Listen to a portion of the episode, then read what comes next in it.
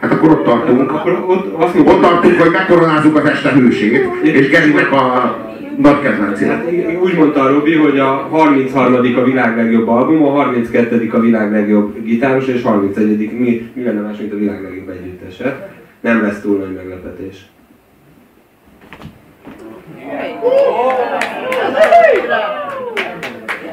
Na hát ők azok, akikről nem lehet megmondani, hogy így kinek az együttese. Ha meg lehet mondani, hogy kinek az együttese, akkor a Roger Watersé. De hogyha nem lehet megmondani, Akkor a Sid Barretté, meg a David akkor Gilmour. igen, ha nem lehet mondani, akkor a Sid Barretté, vagy a David Gilmouré, vagy a Roger. Na, Szóval ez úgy van, és egy kis nagyon-nagyon rövid Pink Floyd történet, de tényleg csak nagyon rövid, hogy volt egy zenekar, ami elindult mindenféle más nevű Pink Floyd néven, egy Sid Barrett őrült zseni vezetésével. Tehát a, ő a Peter Gabriel volt a, a, a körnégyzeten, De Peter Gabriel volt bárminél, ami valaha volt.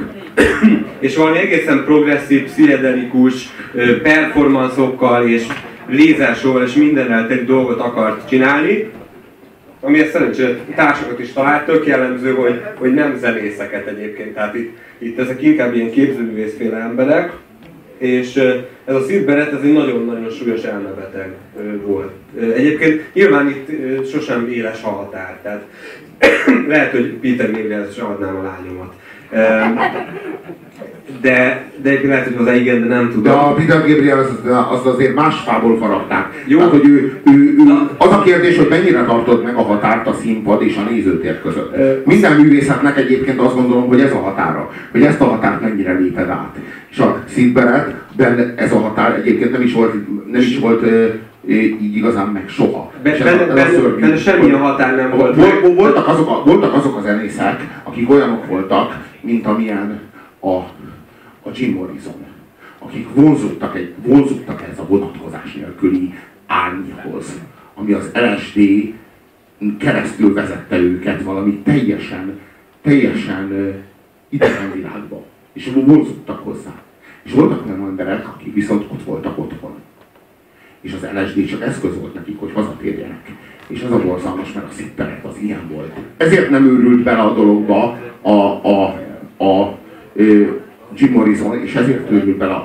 Igazából a szipperet, az skizofrén volt, aki addig LSD-zett, ameddig a tudat alól előkaparta a saját skizofréniáját, és magára nem szabadította. Tehát ő, ő szándékosan, vagy szóval nem lehet nála elkülöníteni a dolgokat, tehát hogy hol kezdődik a skizofrénia, hol kezdődik az LSD, ezt, ezt nem lehet tudni egyáltalán, és nem csak azért, mert nem ismerjük a tényeket, hanem mert, mert egy nagyon súlyosan bomlott elme volt. Na most ő viszont megcsinálta ezt a zenekart, és egy, egy, egy ponton úgy döntött a zenekar többi tagja, hogy akkor ettől az embertől meg kell szabadulni, mert egyszerűen nem lehet vele dolgozni, mert, mert messze nem létezik. Tehát De már- közben, nem lehet ebben a világban megszabadulni, de közben nem lehet megszabadulni ettől az embertől, mert annyira erős a hatása, akár csak a Peter Gabrielnek a Genesisre, hogy egyszerűen nem tudnak kibújni az ő bőréből. Illetve igazából ez így lett, így lett volna, csak hogy itt, itt picit más utat járt az együttes, mint a Genesis esetében, mert a Sid Barrett helyére fölvettek egy gitárost, őt úgy hívják, hogy David Gilmour, és itt még nagyon fiatal, és még csomó haja van, és egyébként ő a világ majdnem legjobb gitárosa,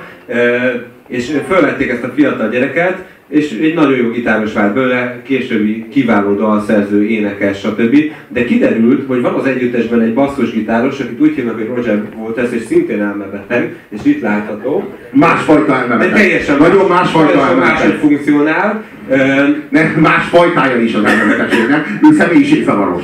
Tehát a skizofrént a személyiségzavarossal nem, nem kéretik összetéveszteni. Nem, nem, ő egész, egész más, Más. más. más jellegű ember, de egy, egy hihetetlen zseni. Tehát van egy óriási gitáros, és egy nagyon nagy zseni. Itt, itt az az érdekes, hogy nem a nagyon jó gitáros a zseni. A Volters nem egy annyira jó zenész, ő, egy, ő a basszus gitáron játszott, írt baromi a dalokat, meg, meg jól is énekel tulajdonképpen, Viszont kiváló dalszerző is a lírához, meg a szövegíráshoz nagyon jól ért.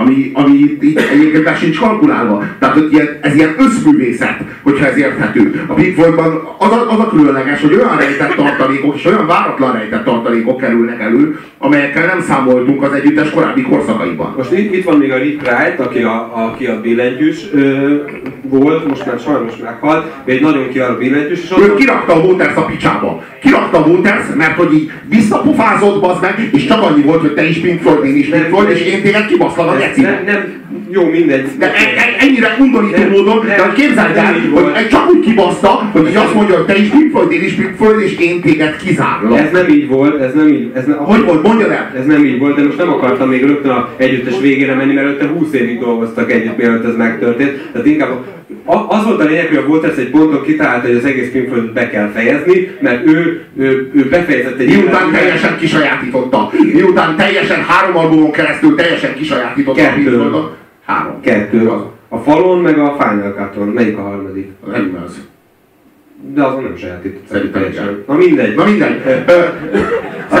Ö, És, itt, van, itt van még a Mason, a, a Nick Mason, aki, aki meg egy, egy, egy dobos, és kit érdekel a dobos, de nemrég olvastam az ő vastag könyvét a Pink Floydról, és kiderült, hogy egy baromi, baromi okos és baromira tehetséges pali. Nyilván ahhoz, hogy ezeket a zseniket elviselje, kellett is ilyennek lenni. Na és az a lényeg, és ami Robi erre utalt, és a, az egész Pink Floyd, Pink Floyd jelenségnek ez a lényege, hogy, hogy mindig is koncepciókat csináltak. Tehát minden, minden egyes albumhoz volt egy nagyon erős koncepció, nem számokat írtak, eh, eh, tipikusan voltak 15 perces számok tulajdonképpen, nem voltak rádióban játszhatóak sohasem a számaik, eh, mindig összművészeti alkotás volt, a lemezborító, a zseniálisak a lemezborítók, érdemes egyszer végignézni, őket kihajtogatni, és az összeset megnézni. A szövegek, a látványelem, nagyon fontos, hogy a koncertjéken például soha nem vetítettek ki olyan képeket, ahol ők voltak és játszottak. Se, ez nem volt érdekes. Valami, ki, valami képi világ volt, legyen az absztrakt, vagy egészen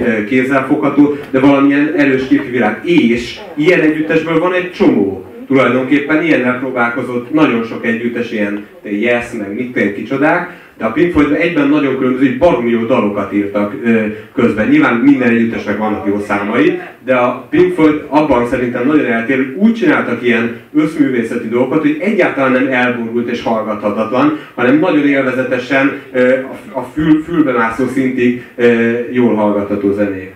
Hallgassunk is bele.